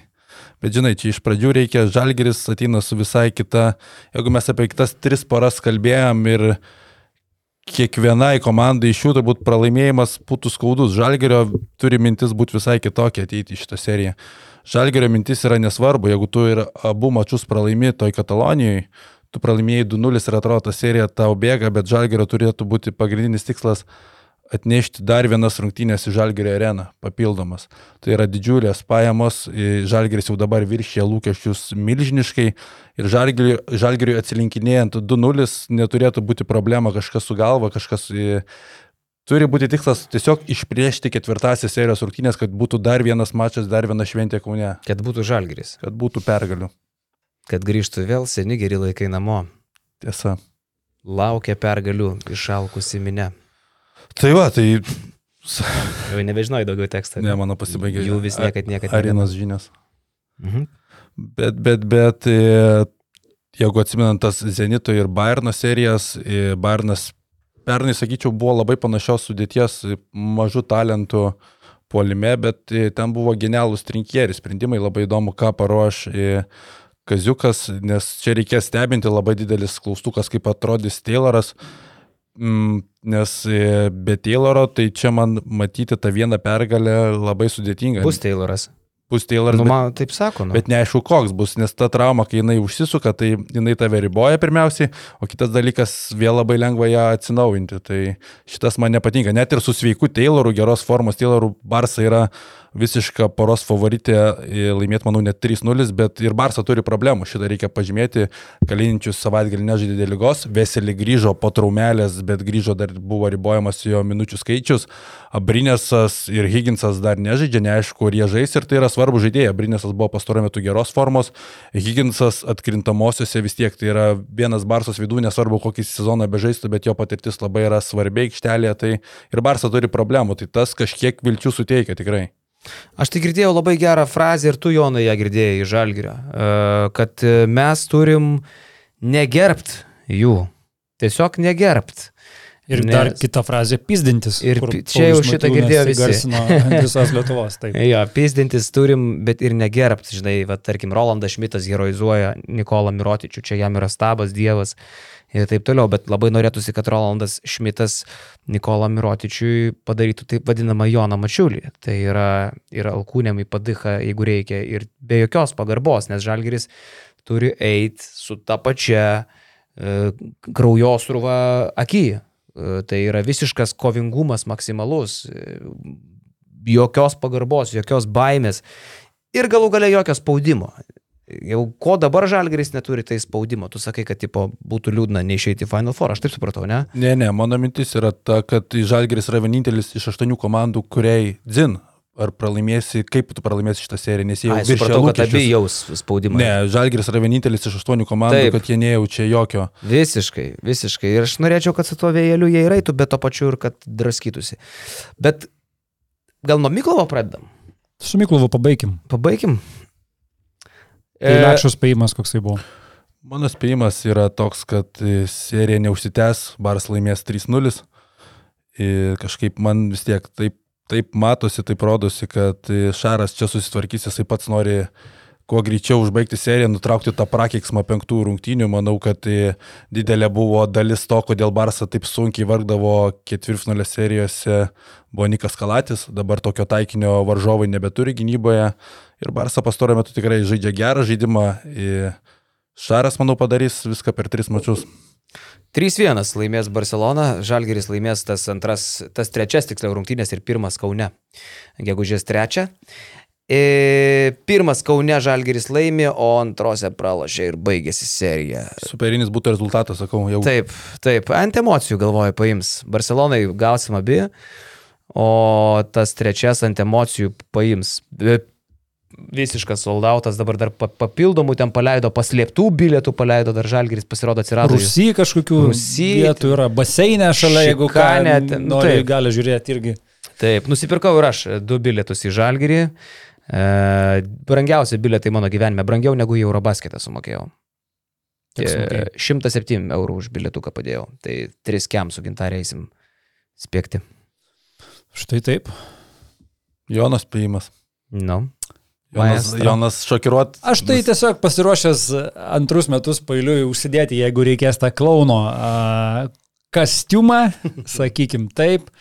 Žinai, labiau tikėjau šituo savo spėjimu, taip atvirai sakant, labiau tikėjau, kai maniau, kad Tayloras pajudės, pajudės bent jau vienose LKL rungtynėse ir nereikės jam išbėgti, jeigu jis iš viso išbėgs, iš esmės nubūkim tiesus ir teisingi šitą komandą, bet Tayloro yra vargas, vargelis paskutinis, jinai vargelis yra, kai nebeliko Evanso, bet su Tayloru jinai keičiasi ir mane kažkiek godžia, gal, o gal aš labiau save pasigodžiu, kad Žalgiris moka laimėti šlykščiai. Tavrasme, jie, jie, jie įstrigė tuose barsos žabanguose, tuose gniauštuose, tuose plieninėse uh, kumščiuose, nu, jie sugeba kažkaip to oro įkvėpti ir jie sugeba išbristi iš sunkių situacijų.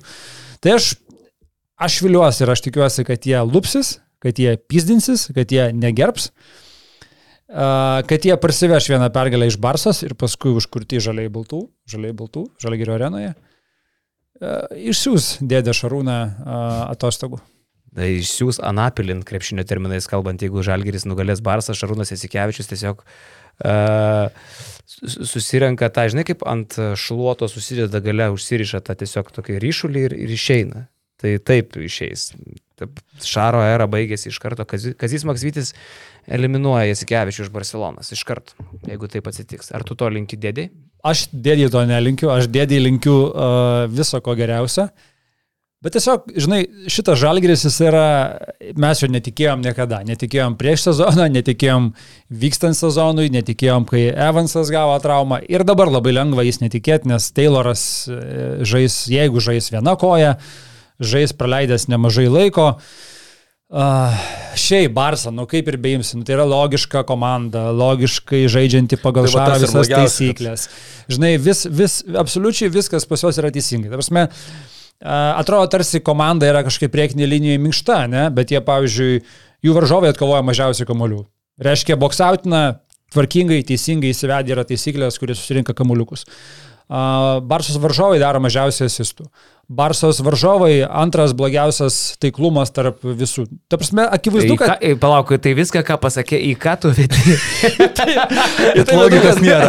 Logikos nėra, supranti. Ir jeigu viskas būtų logiška absoliučiai gyvenime, nu būtų neįdomu, ne?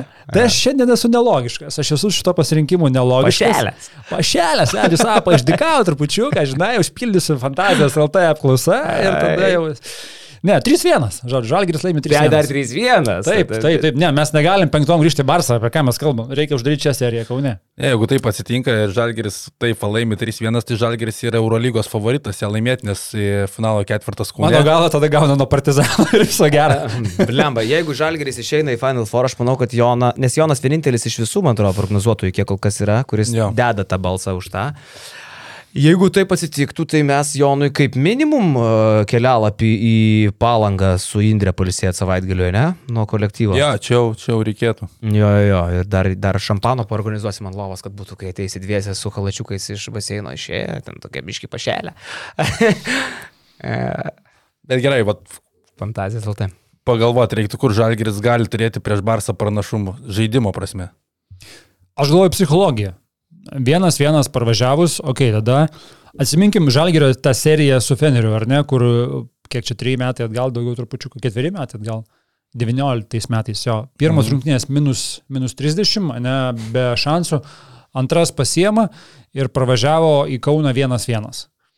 Kur galiausiai vis tiek, aišku, Feneris perlaužė tas rungtynės trečias, bet tos trečios jos yra labai esminės psichologiškai rungtynės. Jeigu svečiai atvažiavę su vienas vienas jie sugeba perlaužti, okei, okay, tada viskas aišku, bet jeigu kažkokiu būdu šeimininkų komanda kabinasi į tas trečiasias, serijoje esant vienas vienas, tai man čia, čia yra vienintelis, kur gal kažkokio logiškumo, sakau, savo pasirinkimą matyčiau, parsivežus vienas vienas iš Barsos, perlaužti trečias ir visą įmanomą spaudimą uždėti ant Barsos pečių. Visą Lemba, įmanomą. Čia labai įdomi, tu iš tikrųjų iššoviai. Labai įdomi bus trenerių kova. Žinai, kaip vat, vertinimą girdėjom Kazio ir Šaro palyginimus, kaip, kaip žaidėjai vertina, kad ir vienas, ir kitas yra labai geri. Šaras labai turtingas taktiškai, Kazis jam neprilyksta pagal tai, ne? Bet uh, Kazis yra bičias, Kazis yra draugas, Kazis yra psichologas, jis neša gerą atmosferą, su juo gera būti, pasi, už jį norisi kovoti, griūti keliais ir pasižaisti. Ir abu yra sėkmingi šiaip savo karjerose, ne? Šaras ir kaip žaidėjas, ir kaip treneris Kazis irgi netaip jau paprasta Neptūną ir Lietkabelį išvesti į LKL finalus, e, tuos išvesti Neptūną į Eurolygą ir ten dar gerai žaisti. Netai paprasta ir kas jis tą daro visą savo gyvenimą, kiek jis treniruoja, jisai visada yra sėkmingas. E, Kazys, e, jeigu išeitų į Final Four, aš manau, kad jisai atima auksinio berniuko arba jis tampa auksiniu berniuku 2. Jeigu jisai išveda žalgerį į Final Four, viskas. Kazys tada jau amžiams tampa kažkuo. Čia būtų maksimali nesąmonė, šiaip jau. Maksimali nesąmonė, jeigu žalgerį šitą seriją laimėtų. Tiesiog, tiesiog atima auksinio berniuko, ne, ne iš Šaro netimsi auksinio berniuko. Tiesiog tampa kažkokiu. Deimantiniu berniuku. Na, ja, bet faktas, kad reikės ieškoti sprendimų Kazijui, nes mes pastaruoju metu matom, kaip Žalgeris e, praktiškai visas atakas pradeda nuo Ulanovo centravimo, tada ateina pagalbos, e, Ulanovas nusimeta, tada Žalgerio atsiranda erdvių, kai perimetrė nėra tiek talentų, reikia centruoti, bet kai jie turi prieš e, Ulanovą Kalinčių pastatyti, tai jau išmuša iš žalgerio tų derinių. Jeigu turės, čia labai svarbu, gal nežais Kaliničius. Nu jo, jis susirgo, dabar gali, gali būti kažkokių problemų, ten šitas momentas yra svarbus.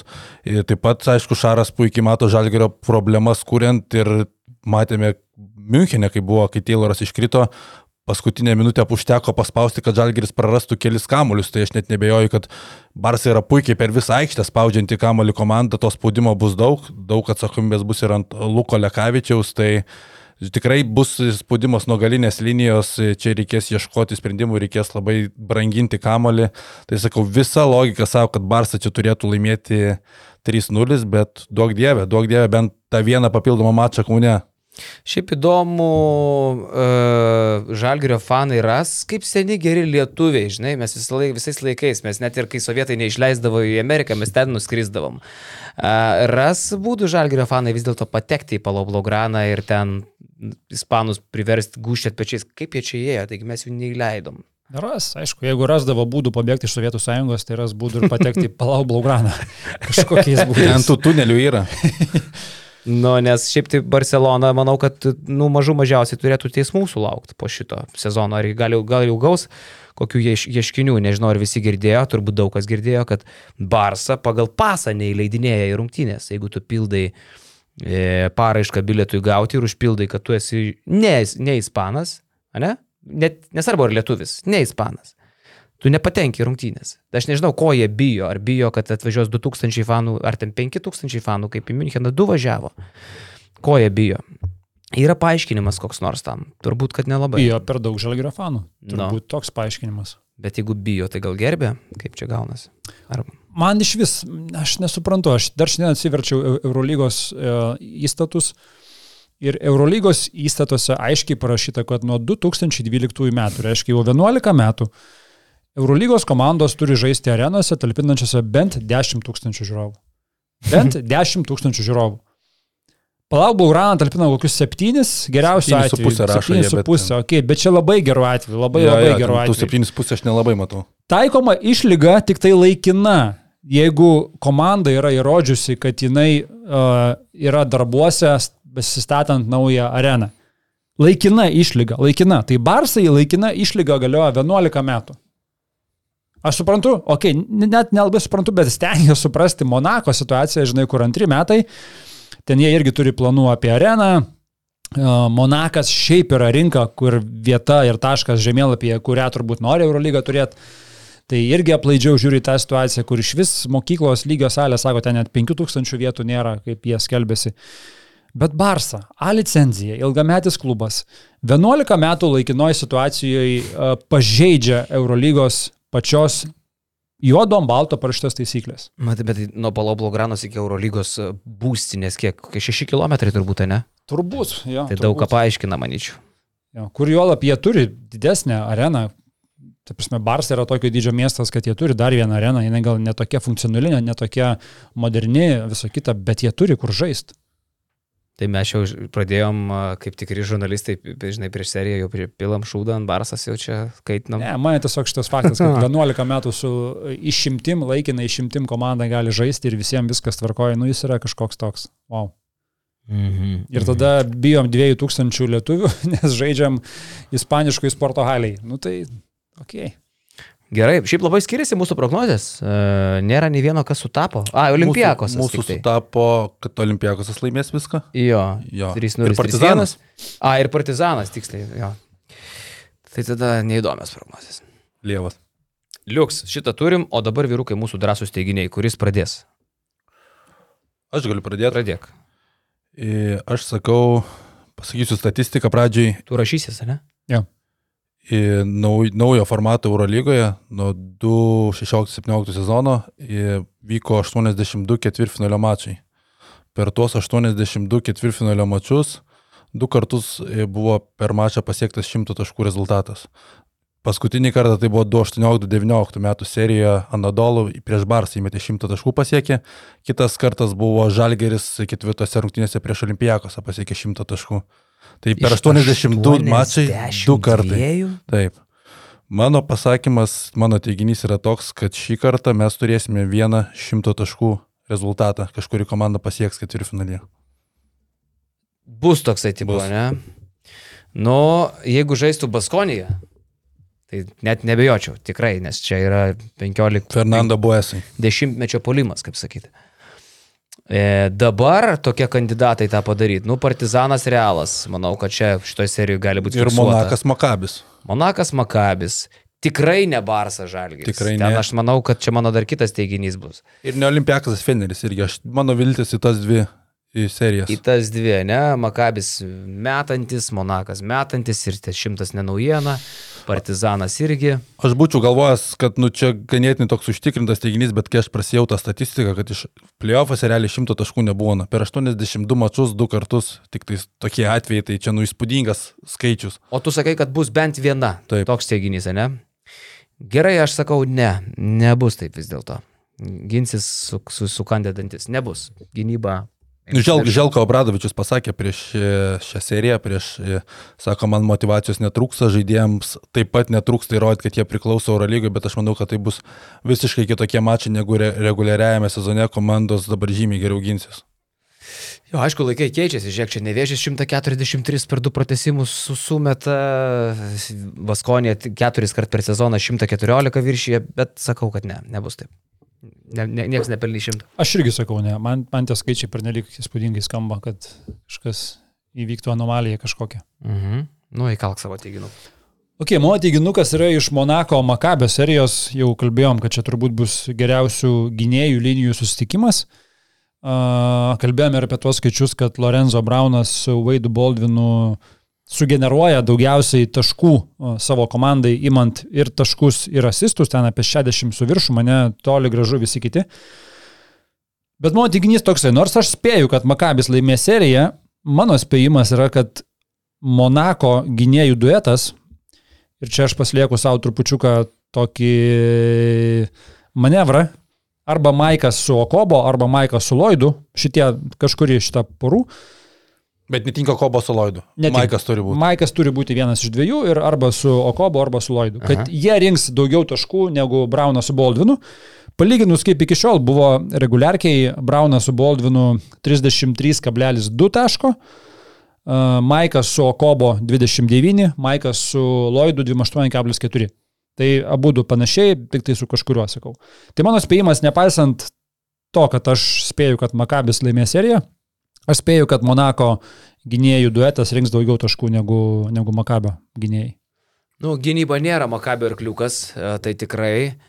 E, bet taip kaip Baldvinas dabar pagavęs vėjelį, e, mano vienas mėgstamiausių žaidėjų apskritai. E, ir Lorenzo Blemba jungia kitą pavarą, vis dėlto čia jau jo atsakomybė vėl daryti, ką darė su Ispanijos rinktinė. Ne, sakau, kad bus rezultatyvesnis e, Makabio duetas, nepriklausomai Jamesas Okobo ar Jamesas Lloydas. Aš nebejotinai sakyčiau ne, bet man labiausiai neramu dėl Lorenzo Brauno, kokia jo ten ta sveikatos būklė. Čia Kiek- turim nuspręsti, o jeigu Lorenzo, jeigu nors vienas iš jų nežaidžia rungtynių, Yra kaip yra. imam vidurkį ar imam uh, sumą? Sumą, Ne, sumą. imam vidurkį. Bus ramiau gal. O jeigu sužais tik tai vieną mačą, pavyzdžiui, tai iš karto tada jau taip, kaip ir tu nieko nebūsi įrodęs, nes Yra, yra kaip yra. tu sumą imi. Įmam sumą. Jo. Blemba, tai ta trauma tikrai gali daug ką keisti, supranti, o jeigu jis praleis mačą kokį. Žinai, ir nenustebintų, kad Makabis viską dės į namus, jeigu jam tikrai ta sveikatos būklė nėra gerai, Monakė praleidžia mačius, Makabis stengiasi tiesiog sugražinti seriją atgal. Bet, bet, bet. Left ankle Braunui, ne? Mhm. Bet aš vis tiek, kaip ir Karolis, sakau, kad Makabi duetas pelnys daugiau taškų negu Jamesas. Žinai, mes šiaip privalom ir parizikuoti. Jonas rizikuoja su Žalgirio pergalės serijų, mes tada čia pasimsim Jo. riziką. Pasimam, kad Braunas trauma ar ne trauma, bet loš ir Nu, loš. čia rizika jūsų tikrai rimta. o jeigu trauma viskas, jeigu jis praleidžia nors grajų, tai tikimybė dabar yra. Ne, viskas ok. Aš sakau, aš kažkaip galvoju, kad čia Maikas normaliai užsikurs. Ir Ėmė. šalia, šalia jo kažkuris, kažkuris kitas. Gerai, Karolė. Ok. Tavo teiginys. Mano teiginalis yra toksai. Kazys gaus daugiau techninių už šarą. Lietuviška Aš. dviejų psichų akistata. Du mėgstantys techninės gauti kaučiai. Argumentas paprastas. nors Kazys sako, kad jau mokosi ir stengiasi būti ramesnis, Bet šitoje serijoje vis dėlto Kazys bus labiau atsiliekantis, labiau nervingas ir labiau matys nepagarbą žalgiriukui, apie kurią Šaras dažnai mėgdavo teisėjams sakyti po rungtinių. Ir tos pagarbos reikalaus, o reikalaudamas ir žadindamas savo žaidėjus gaus techninių. Geras, kad ir aš šitą buvau pasižymėjęs tarp kelių tų teiginių. Ir Tokį patį, ne? lygiai, lygiai tokį patį. Tai... Bet kas, jeigu po lygiai turės? Nes čia yra trys galimi variantai, daugiau. Tai aš pralašiau, aš sakau, kad daugiau. Mm, okay. Kad 2-1 ar 2-0 ar 1-0, bet daugiau gaus Kazys. Bet e, man atrodo, kad Kazis šiemet yra Eurolygos blogiukų tapęs, daugiausiai techninių pražangų.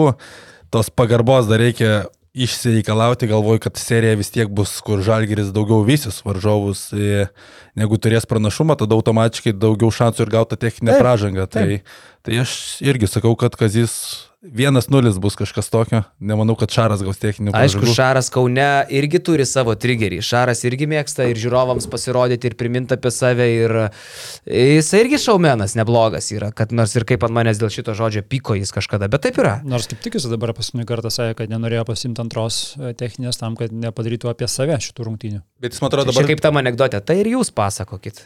Žinai, sakė. Nu, pas, pastarosius aš, tai, aš, kartus. tai, aš tai patikėjau to. Jo. Šaras pasiemė pastarosius kartus po techninę kūnę, man atrodo, ir praeitą kartą, ir už praeitą kartą. pasimsis ir čia. Aš manau, kad aš vieną arba Kazys- dvi, bet kad jis dvi arba Aš tris. sakau gaus. taip, sutinku su to teiginiu.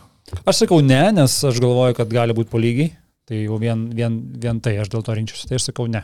Išsiskiria mūsų nuomonė. O kadangi Šaras žiūri visus mūsų podcastus, tai padarysi viską, kad aš praloščiau, manau. Ir padarys Nu, viską, kad ir aš praloščiau. Kad ir aš praloščiau. Ir su klauno e, sėdėčiau čia. Ja. Mano antras neteiginys, šitas susidegina, bet aš turiu atsargoje, tai mano yra toks su Žalgerio irgi serija, Žalgeris Barsa. Aš sakau, kad Žalgeris serijoje padarys daugiau klaidų, negu atliks rezultatyvių perdavimų. Baigtų nachra. Baisus teiginys, bet statistika buvo tokia. Žalgeris apskritai šį sezoną daro vidutiniškai po 14,3 asisto, klysta po 13 kartų, ganėtinai panašus balansas ir neįtikėtina, kaip su tokiais skaičiais komanda yra atkrintamosiose.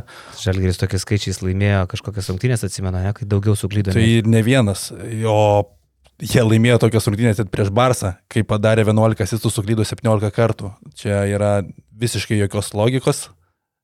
Į kažkur kitu, kit, anoj pusėje logika, bet e, abu kartus prieš Barsą žaidžiant e, Žalgeris daugiau klydo negu atliko asistų. 23 asistai, 32 klaidos šį sezoną prieš Barsą.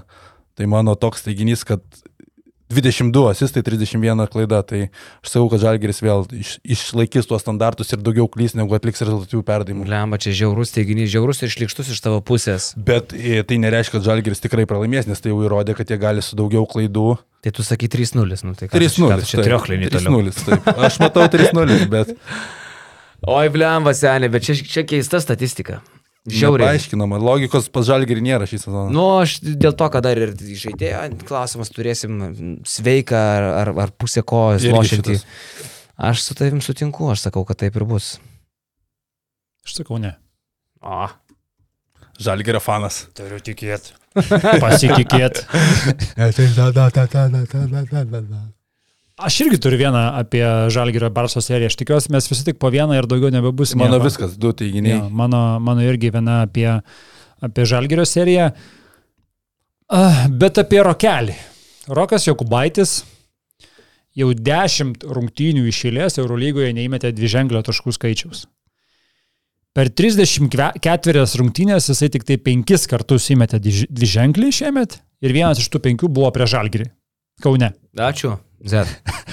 Tai aš galvoju, kad Rokelis vėl padarys, vieną, vieną kartą jis padarys mums reikalų ir bent vienose rungtynėse Rokas Jokubaitis įmes dviženklį taškų skaičių. Ne. Nemanau. Manau, kad e, norės, bandys, yra tavo argumentų dar ir, kad gynėjų grandis pas juos sutrupėjus šiek tiek, e, ten vad Higgins, Abrinės Aminim, kaip e, galinčius nežaisti arba praleisti dalį rungtynių, tai Rokas tarsi ir, ir, ir dar daugiau šansų dėl to turėtų padaryti tavo rezultatą. Bet aš kažkaip e, matau čia labai labai gynybinę seriją. Žalgeriukas e, irgi, kaip ir Barsa, yra elitinė gynybos komanda, su gynyba išsikovojo teisę čia duotis. ir manau, playoffuose duotis. Ir manau, kad rokelį jie paims.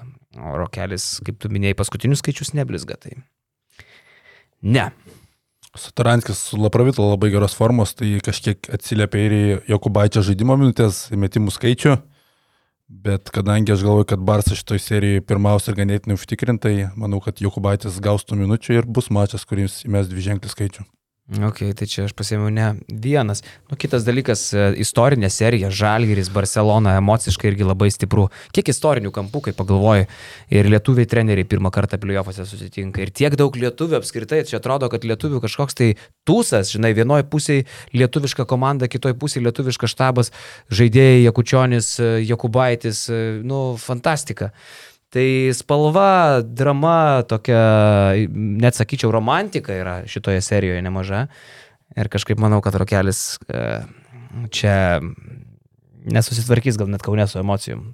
Žinai, vis tiek tokia serija, kur taip, visi sergam už žalgerį, kad išeitų, žinom, kas yra favoritas, bet jeigu laimi Barsą, tai Na tai vis tiek Šaras yra finalo ketvirtį ir Barsas tada bus tuo finalo ketvirto žalgerių kaune, vis tiek daugiausiai palaikymų turės, tai ar vienu ar kitu būdu bus ką palaikyti ir lietuviams finalo ketvirtį. Taip, taip, čia mes, mes šitos serijos pralošti negalim, čia kaip Jonavos į bet.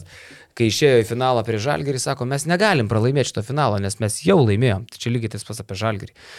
Da, vienintelis dalykas, ko norisi, tai kaip tu sakai, tų antrų rungtinių kaune ir dar ten 7-800 ar ten milijono, žinai. Gerai, mano teiginys turbūt, jo. Aš sakau, aš vis dėlto turėjau dar du teiginius, bet, bet man jie netokie įdomus, aš iš keturių savo pasirašytų šitą įmu ir sorry, bet jis yra vėl žalgerio. Ne vienose rungtynėse žalgeris nepelnys 80 taškų prieš Barceloną. Mano toks yra teiginys. Nei vienose, nesvarbu, ar jų bus trys, ar jų bus penkios. Tai aš tai visiškai jins su šitu nematau, kaip Žalgiris met 80 taškų su Tayloro klausiama padėtimi. Kai, kai aš taip sakydavau, a, mano čia yra toks mėgstamas teiginys, paskutinės gal 5-6 Eurolygos rungtynės. Bet imam, imam žalgerį, ta prasme, mes ryšomės, keturi teiginiai yra apie žalgerį ir mano spėjimas yra pakankamai drasus. Aš tiesiog irgi turiu rinktis pagal savo spėjimus. Ir man čia kažkiek, nu, blema, nelabai gražu. Visi po vieną teiginį apie žalgerį ir po vieną apie nežalgerį. Aš tokią dabar taisyklę noriu įvesti. Ta prasme. Kad anuliuojam tavo teiginį šitą. Kad šitą anuliuojam. Arba šitą, arba Kazio Šaro techninės. Gerai, tai tada anuliuok šitą. Nu, aš tada buvau pasirašęs tokį teiginuką, bet mane biški atkalbėjai. Bet aš gal prie jo liksiu, nes aš nesugalvoju mm, geresnio varianto. Aš sakau, kad Veidas Bolvinas bus rezultatyviausias playoffų žaidėjas. Oho. Čia, čia yra mano. Bet čia ne vidurkis. Vidurkis. O čia jau ponai vidurkis. E, priežastys kelios. Pirmiausia, jo lygis labai pakilęs yra, jis atrodo, kad tenai jau visiškai apsiprato. Antras dalykas, Monakas neblizga, net viską toj gynybui. Nors geriau gynasi negu Makabis. Trečias dalykas, neaišku, kaip su Lorenzo Braunu ir jeigu jisai praleis nors rungtynės, tai mes jau matėm, ką veidas išdarinėja, kai nėra Lorenzo. Ir e, aš jį matau tviskantį, nematau tviskančio Vezenkovo, apie tai jau kalbėjom, nes e, manau, kad Vezenkovas dus Heiso ir Piero gniauštuose, nors ir susimes, bet vis dėlto, kai nėra Vasos, kai nėra Šeino, kai nėra išprotėjusios Baskonijos, einu per kitas komandas, Madride nematau top scorerio, Belgrade nelabai matau top scorerio. Monakė, okei, okay, Maikas Džeimsas būtų varžovas, bet aš jau sakiau, aš galvoju, kad Veidas uh, uh, duosis. Ir Maikas gali springti. E, ir toliau per Kaisį Barsui tikrai neieškok top scorerio, aš lieku prie savo mylimiausio playoffų žaidėjo, Veidas Boldinas. Šiaip šitas geras, geras variantas apie Boldiną buvau galvojęs, ypatingai jeigu tu nežinai, kokia bus Lorenzo Brauno, gal jisai mažiau imsis, mažiau žais ant taškų, daugiau bandys kurti, tai Boldinui turėtų būti atrištos rankos. Pagrindinis varžovas čia, manau, Maikas Džeimsas yra, Makabio gynyba perimetrė prastai yra ir Džeimsas pernai jau plėofose parodė, kad jisai plėofose gali labai mobilizuotis. Kitų konkurentų Vezenkovas sunkiai tikėtina, kad jisai sugebės ten surinkti tokį taškų vidurkį. Iš Barso, sakyčiau, Mirotičius būtų tas kandidatas, kuris gali susirinkti savo vidurkius, ganėtinai solidžius. Žalgeris ginasi žėriškai, nu bet aišku, Mirotičius. E, Realas Partizanas, ten bus rezultatyvi serija, tokie kaip pretendentai būtų gal Mūsa Dekas, su Deku labai didelės problemos Partizanui, Kevinas Panteris. Tai labai, sakyčiau, šalia Boldvino, Boldvinas yra labai logiškas pasirinkimas, bet labai daug ir tų tokių varžovų, kurie gali irgi sužaisti tos 3-4 mačius ir užfiksuotą vidurkį, tai vis tiek didesnė tikimybė, kad nebus Tai taip, taip, Boldvinas, bet ir dar sakau, čia, vat, mes sakėm, drąsus. Aš noriu, kad mes ir po vieną drąsų, Jonai, galim tokią taisyklę dar įsivesti. A ne? Tai aš už savo drąsą pasakiau, Mal, kokį? a, kad Žalgiris laimė seriją. Ne, tai, nu, zet, bet čia, ai, nu jo, okei, okay, be Aš priekaištų. sakyčiau, mano abu labai drąsus. Per aštuom du mačius du kartai šimtas taškų, Žalgeris padarys daugiau klaidų. Nu taip, tada atsiprašau, jūs abiejų galite surasti vietą mano- širdį atleidimui. Ir mano lygiai taip pat jo, Rokelis 10 taškų yra kur kas daugiau nepermetęs, e, Makabė pora irgi daugiau taškų renka negu... Nes čia matai, mes darom taip, e, nes mes jeigu darytume nedrasius, tai labai logiška, kad visi trys sutiktume su tuo. Taip. Ir mes turim galvoti, kad kažkuris vienas pasiryštų sakyti kitai bent jau. Tai aišku, abu nesutinkat su Boldu. Aš nesutinku. Aš irgi nesutinku. Šaunuoliai. Tai va turim, turim, turim šešias, ne? Mhm. Plemba čia tas klauno klausimas labai, labai gerai. Atviras labai klouno įdomus, klausimas. Tikrai. Atviras klauno klausimas. Rytoj prasideda dalykai. Dalykai. Nu ir tavo Ne, paskutinis. aš jau pasakiau. Viskas. Ai, viskas. Jo. Viskas, visi šeši. Tai dabar žiūrovai gal dar prieš savo akis mato visas mūsų prognozes, šešias, ne? E, Dar kart galite susipažinti su tuo, kas kaip e, ką čia prisvaigom. Bus žiauriai įdomu. Primenu, kad e, pralaimėtojas e, sėdi su klauno kostiumčiuku. E, Ir primenu, kad e, dabar jau Eurolyga kiekvieną dieną. Tai ryt, poryt, už poryt, už už poryt, visą savaitę mes absoliučiai gyvenam krepšiniu. Mūsų BN Pliusai stebi mūsų live podcastus. Pirmas išeis poryt, iš karto po ketvirtfinalio pirmos dienos. A, Šią savaitę bus dar du podcastai vieši, vieši visiems ir net keturi apskritai. Tai pusė iš jų matys tik tai BN Pliusai. Tai ačiū visiems prenumeratoriams, kurių yra tiek daug ir aišku, Jonas kaip... Beje, ką tik naujiena nukrito. Prač naujiena vadinama. Prač naujiena. Ką Lionkė atleido? E, Kiltė gavo dviejų rungtinių diskvalą. Kiltė, ne Lionkė, nusišneku. Už ką? Įsiveržė į teisėjų rūbinę po rungtynių, išplūdo. Kas jam yra? Agresyviai išplūdo juos kaltindamas rungtinių pralaimėjimų. Čia prieš pasvalį ar prieš ką? E. Panevėžį. Panevežį.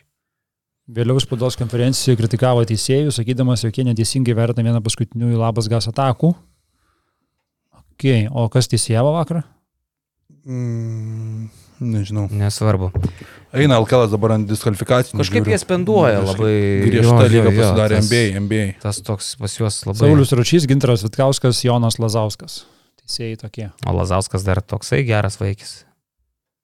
Labai geras. Čia kažkoks YouTube bairis, ne? Ne, ne, ne, ne. Lazauskas malodės. E, noriu pažiūrėti, kiek mes pliusų turim, bet čia pasikeitė viskas. Ne? Paspaudė. Užsakyti. Ai, taigi aš užsisakęs. Jonai, padėkok Milašiam ir baigiam pasirodymą. A, Tai aš jau mintinai tu- atsimenu. Mindaugas Vepštas. va.